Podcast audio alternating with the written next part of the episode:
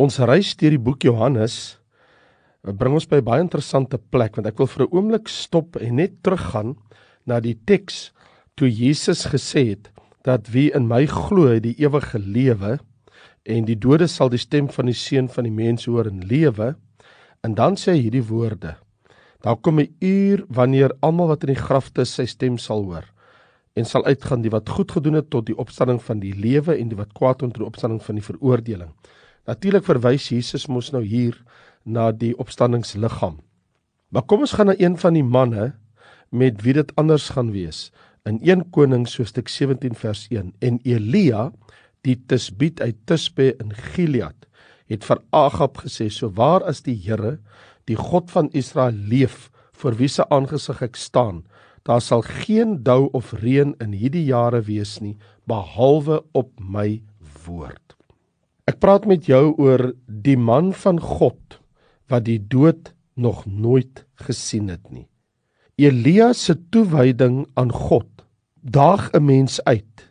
As jy dink Elia was gestuur om te konfronteer wat die koning gespreek het en Elia is die een wat deur die koning vervolg was. Elia is een van die mees indrukwekkendste figure in die ganse Bybel en hy stree op en hy spreek nog steeds tot ons in die ou sowel as nuwe testament. Dink daaraan dat Elia het 850 jaar voor Christus gelewe. So dit maak Elia die tweede oudste mens wat nog nooit gesterf het nie want onthou van Elia se dag tot waar ons nou is is bykans 3000 jaar So as ons na die geskiedenis van Elia kyk in 1 Konings hoofstuk 17, 18, 19, 20 en 21, dan sien ons Israel se konfrontasie met koning Agab van Israel. Dit is legendaries. Jy kan maar net daai 5 hoofstukke gaan lees in jou Bybel.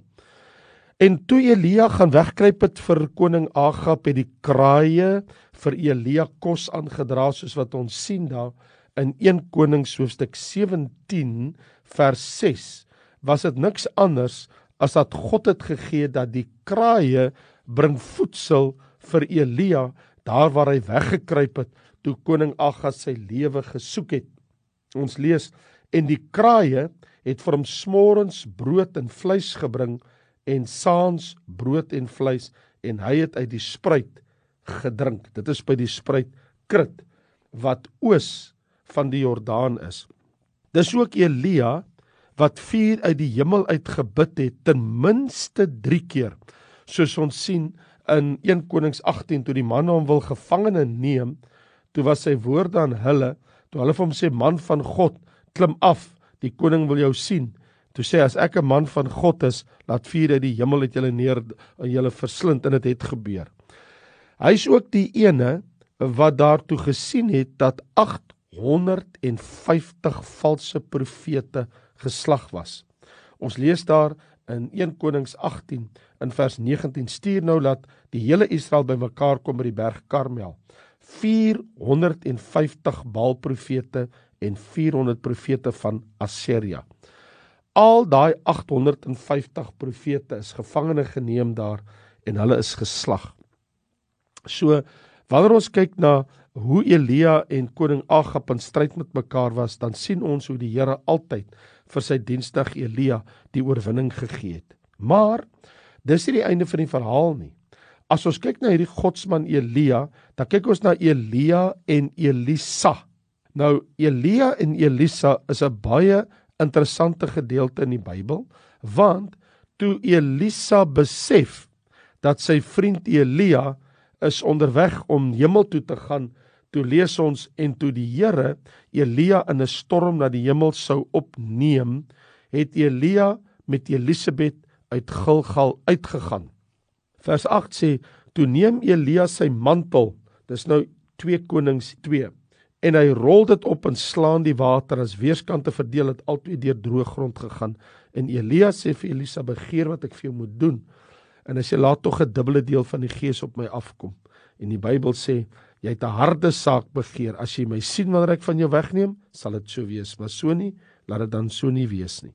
En terwyl hulle al deurloop en spreek kom daar met eens 'n wa van vuur met perde van vuur wat skeiding tussen hulle twee maak en Elia het in die storm na die hemel opgevaar. En Elisa het dit gesien en uitgeroep: "My Vader, my Vader, waarvan Israel se ruiters?" En toe hy hom nie meer sien nie, het hy sy klere gegryp het in twee stukke geskeur. So hy het die mantel opgeneem, die water geslaan en die water het oopgegaan want hy het uh Elisa het vir Elia na die hemel sien opvaar. Nou, so hy's lewendig na die hemel toe hierdie man. Hy het nooit gesterf nie, selfs tot vandag toe het Elia nog nooit afgesterf nie. Hy's lewend by God in die hemel. Maar wanneer 'n mens by die laaste boek in die Ou Testament kom, dan word daar nog steeds iets gesê oor hierdie ongelooflike man Elia se lewe. Ons lees in die laaste Bybelboek van die Ou Testament in die laaste hoofstuk in vers 4 en 5. Dink aan die wet van Moses, my knegg, wat ek hom beveel het op Horeb. Kyk, ek stuur julle die profeet Elia voordat die groot en vreeslike dag van die Here aanbreek. Hy sal die hart van die vaders terugbring tot die kinders en die hart van die kinders tot die vader sodat ek hoef te kom in die land met die bandvloek hoef te tref nie. So Maleagi, die heel laaste Ou Testamentiese boek profeet, hy voorspel dat Elia sal verskyn voordat die Messias, die Christus verskyn. En nou is dit ook aangrypend as ons nou wel omblaai en ons gaan na die Nuwe Testament toe, dan lees ons in Johannes 1 vers 21 Hulle vra vir Johannes die Doper, "Is u dan Elia?" En hy sê ek is nie. Nou, hoekom dit so aangrypend is, hy verklaar hy's nie Elia nie. Tog sou Jesus in Matteus hoofstuk 17, dit is nou vers 10 tot vers 13 sê, hy is die Elia wat sou kom as jy dit sou aanneem. En sy disippels het uit hierdie verklaring verstaan dat Jesus met hulle spreek van Johannes die Doper, so sê vers 13. Toe verstaan die disippels dat hy met hulle oor Johannes die Doper gespreek het. Nou so hier is ons vraag. Hoe rym hierdie twee stellings van Johannes en Matteus se evangelie met mekaar? Wel, die antwoord vind ons in Matteus hoofstuk 11 vers 12 tot 14 toe daar weer 'n gesprek was oor hierdie man Elia. Toe lees ons daar vers 12 sê Maar van die dae van Johannes af sê Jesus, die doper, word die koninkryk van die hemele bestorm en die bestormers gryp dit met geweld want al die profete het tot op Johannes geprofeteer. En as jy dit wil aanneem, hy is Elia wat sou kom. So wat is die dit wat as die volk bereid was om dit aan te neem? Wel die dit is die koninkryk van die hemele. Die hele volk as hulle dit sou aanneem, Johannes die Doper se prediking, sy evangelie, dan sou Johannes Elia gewees het. In watter sin? In die sin van Lukas 1 vers 17. Daar staan dat die engel sê vir Sagaria dat hy sal kom, hierdie kind Johannes die Doper, in die gees en in die krag van Elia, nie in die persoon van Elia nie. So omdat die volk Christus verwerp het, en Johannes net in die gees en krag van Elia gekom het en nie in die persoon van Elia nie. Dis wat hier gebeur het. So Elia moet dus nog kom om die volk Israel se hart voor te berei.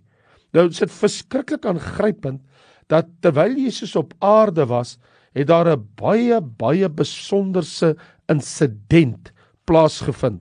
Jy lees daarvan in Lukas hoofstuk 9, daarvan vers 28. En ag daarna hierdie woorde van Jesus. Toe neem Jesus vir Petrus en Johannes en Jakobus op die berg om te bid. Terwyl hy bid, het sy voorkoms van sy aangesig anders geword en sy klere skitterend wit. En daar was twee manne in gesprek met hom. Dit was Moses en Elia. Hulle het in heerlikheid verskyn en van sy uitgang gespreek wat in Jerusalem sou volbring. Hier in die Nuwe Testamentiese boek, in die boek Lukas, sien ons Elia, die man wat nog nooit gesterf het in 850 jaar, want van Elia tot op Christus was 850 jaar. Hier verskyn hy uit die hemel aan die Here Jesus Christus in sy verheerlikte staat en praat Elia en Jesus oor die besluit wat moet volbring word en dit is hulle het gespreek oor sy uitgang wat hy sou volbring, Jesus. In ander woorde, hulle praat oor die feit dat Jesus na die kruis toe gaan, dat hy moet 'n kruisdood sterwe. So Elia hoor toe, nee Elia, jy kon nie nou gekom het nie. Dis hoekom Johannes die Doper net in jou gees en krag gekom het. Aan ander woorde, dit wat jy is, maar hy het nie as jy gekom nie, want jy moet weer kom. Maar daar wag nou eers 'n kruis. So jy kan kom tydens my wederkoms maar jy kan nie nou kom nie. So Elia en Jesus praat oor sy uitgang wat Jesus in Jerusalem sou volbring. Nou hoor Elia by Jesus, jy kan nie nou kom nie Elia, al het Maleagi dit gesê, maar jy kan kom by my wederkom. So jy sal kom voor ek eendag na hierdie aarde toe terugkeer. Nou ja, as jy in die Bybel gaan kyk in Openbaring hoofstuk 11, dan lees ons juis dit in die laaste Bybelboek in Openbaring 11 vers 3 tot 4 lees ons Ek sal aan my twee getuies gee. Dat nou weet ons dis die twee manne wat nog nooit gesterf het nie Elia en Henog. Met sakke beklee 1260 dae lank sal hulle profeteer. Hulle is nou tans die twee olyfbome en die twee kandelaars wat voor die God van die aarde staan. Want onthou daar's nog net twee mense wat lewe op in die hemel wat nog nooit gesterf het nie. Henog wat in Genesis 5 na die hemel opgeneem is en Elia wat ons gesien het in 2 Konings 2 na die hemel opgeneem is. As iemand hulle wil beskadig, hierdie twee manne wat terugkom na die wegraping, maar voor Jesus se wederkoms, gaan daar vuur uit hulle mond. Nou dis mos presies wat Elia gedoen het, nê? En verslind hulle vyande. En as iemand hulle wil beskadig, moet hy op dieselfde manier gedood word. Hulle het ook mag om die hemel te sluit sodat daar in die dae van hulle profesie en daar staan mos in die boek Judas, die tweede laaste boek in die Bybel, dat hy het geprofeteer die Here kom met sy 10000 talle, nê? So hier het ons dan albei van hulle dat in die dae van hulle profesie geen reën sal val nie. Hulle het mag oor die waters om dit in bloed te verander en om die aarde te tref met allerlei pla so dikwels as wat hulle wil. So hier ontdek ons wat gaan gebeur en dan die verbuisterende ding vers 10. Maar nou gaan daar 'n bose wese uit Abyssos uit die bodemlose put uit die aarde uit opstaan. In hierdie gevalle engel lees ons uh hierdie dier wat uit die uit die uit die bodemlose put uitkom. Hy gaan met hulle oorlog voer want ons lees daar staan en dan sal hulle sterf. En na 3 en 'n halwe dag het 'n gees van die lewe uit God in hulle ingegaan en het op hulle voete gaan staan en groot vrees het geval op die wat hulle aanskou het. So in ander woorde, hierdie twee manne kom aarde toe ook om te sterf aan die einde van hulle profesie en hulle tyd. Maar nou baie duidelik, Elia sal dus terugkeer aarde toe. Volgens die profesie van Maleagi 4, hy lewe nog in die hemel, hy en Henog, maar dit sal eers wees in die dae van die groot verdrukking. Dit wil sê wanneer die hart van die volk Israel moet teruggebring word na die Here hulle God. Hierdie twee manne gaan dit doen, maar dit vind eers weg na die wegraping. So vuur en reën wat ons hier sien in Openbaring 11 en die weerhouding daarvan is maar deel van Elia se repertoire, ook bloed en pla. So wanneer 'n mens hierna kyk, dan verbaas dit jou wanneer jy kyk na die lewe van Elia, want dit is asof jy sien jouself in jou verhouding met God, want Elia se naam is mos 'n samestelling van twee goddelike name, Elohim en Yahweh, wat beteken Yahweh is my God. Die disippels van Jesus se naam is afgelei van die goddelike titel Christus. So, was interessant. Ek en jy is kinders van die Here dra mos die naam Christene. Wat beteken ons kom van Christus. Soos Elia word ons persoonlike identiteit afgelei van ons verhouding tot God en sy seun Jesus Christus as die Here van ons lewens. Elia, Jahweh is my God, vir Christen Jesus is my Here. Dit maak ook nie saak van my vir my en jou die stamboom waaruit ons kom nie, nê? Want Elia verskyn in die Bybel van nêrens. Ons weet niks van sy agtergrond nie. Uh so hy het geen geloofsbriewe nie. Hy verkondig net God se woord. So jy hoef nie uit 'n sekere stamboom te kom of 'n sekere persoonlikheid te hê om deur God gebruik te word en jou verlede maak ook nie saak nie. Al wat ons van Elia weet, hy kom van Tisbe in Galilea. Dis 'n bergarea in die noorde. Ons ken nie Elia se familie nie. Elia het 'n kleed gedra van kameelhare met 'n leergord Dit was sy beld. Hy verskyn as 'n buitestander op die toneel in 'n tyd toe daar groot korrupsie onder die leierskap van die volk was. En Elia het nog nooit die koninklike egpaar ontmoet totdat hy dit in die hof in Samaria bevind het nie, waar hy teen die korrupte regering van Agab mos op kapsie gemaak het. So jou agtergrond is nie belangrik nie. Dit is waar jy vandag in jou verhouding met God is. Dis wat saak maak. En so jou persoonlikheid maak nie eers saak nie, nê? Daar sal baie gespekuleer oor Elia en dit is maar al wat dit is spekulasie nê dat baie mense beskryf Elia as 'n konfronterende, obskure, groter dan die lewe vreeslike figuur. Die Bybel weet niks daarvan nie, van sy temperament nie. Al wat ek lees in die Bybel in Jakobus, Jakobus 5 is Elia was 'n mens net soos ons. Dis wat daar staan. So Bybelkarakters was mense net soos ek en jy.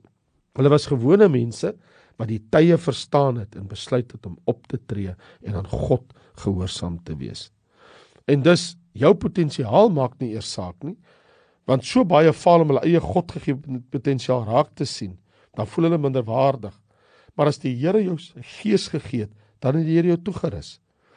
Elia se boodskap was gebaseer op so waar as die Here die God van Israel leef. Dis 1 Konings 17 vers 1, né? So waar as die Here die God van Israel leef. Dit was in kontras met die Baal, die lewelose afgod in Elia se dag. God lewe en hy's aktief betrokke. En Jesus sê tog ek is met julle al die dae. Dit is waar. Elia het gekonfronteer en hy het nodig gehad om te doen wat hy was onder instruksie van God. Maar hier is ek en jy. Hy sê ook: "So waar as die Here God leef, die God voor wie ek dien." Letterlik in Hebreë staan daar die God voor wie ek staan. Ander woorde, ek staan in diens van die groot koning. Hy staan voor die Here God soos 'n dienstig voor sy meester. En ons moenie die Here probeer oortuig om ons werk te ondersteun nie. Eerder moet ons sy missie vir ons lewe wat hy deur ons wil doen navolg. Dit gaan mos oor sy eer, sy glorie en nie myne nie. Ek wil jou herinner, Jakobus 5 sê Elia was 'n mens net soos ons, net soos ek en jy, maar hy het gebid. Hy het 'n verhouding met God gehad. Hy het God se woord geglo. Hy het sy lewe aan God gewy. Elia was 'n mens net soos ons. In Getsemane bid Jesus 3 maal. Paulus in 2 Korintiërs 12 bid 3 maal oor die doring in sy vlees, maar Elia in Konings en dit word herhaal in Jakobus het 7 maal gebid. Gebed maak ons almal dieselfde. Elia het ernstig gebid. Sy hart was 'n gebed vol geloof geloofsvertroue het hy op die Here vertrou soos ons reg lees. Elia was 'n mens net soos ons. Die vurige gebed van 'n regverdige het groot krag. Hy het ernstig gebid dat dit nie moes reën nie en op die aarde 3 jaar en 6 maande lank nie gereën nie. En hy het weer gebid en die hemel het reën gegee en die aarde het sy vrug uitgesprei. Ek wil vir jou sê die vurige gebed van 'n regverdige het groot krag.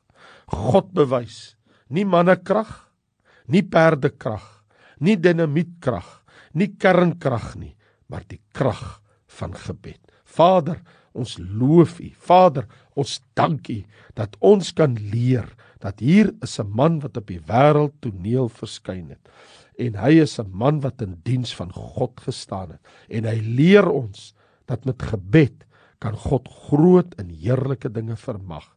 Here, leer ons om 'n regverdige, heilige, skoon, rein lewe te lei in geloof, geloofsvertroue op die lewende God, want Elia was 'n mens net soos ons en hy het weer gebid en hy het ernstig gebid. Elia het gebid soos die skrifwoord vir ons sê in Jakobus 5. Here, dankie dat U 'n antwoorder van gebed is in Jesus naam. Amen. Ja vriende, ek groet vir jou. Ek is Raymond Lombard en volgende week en Sondag aand kuier ons weer verder. Seën en liefde.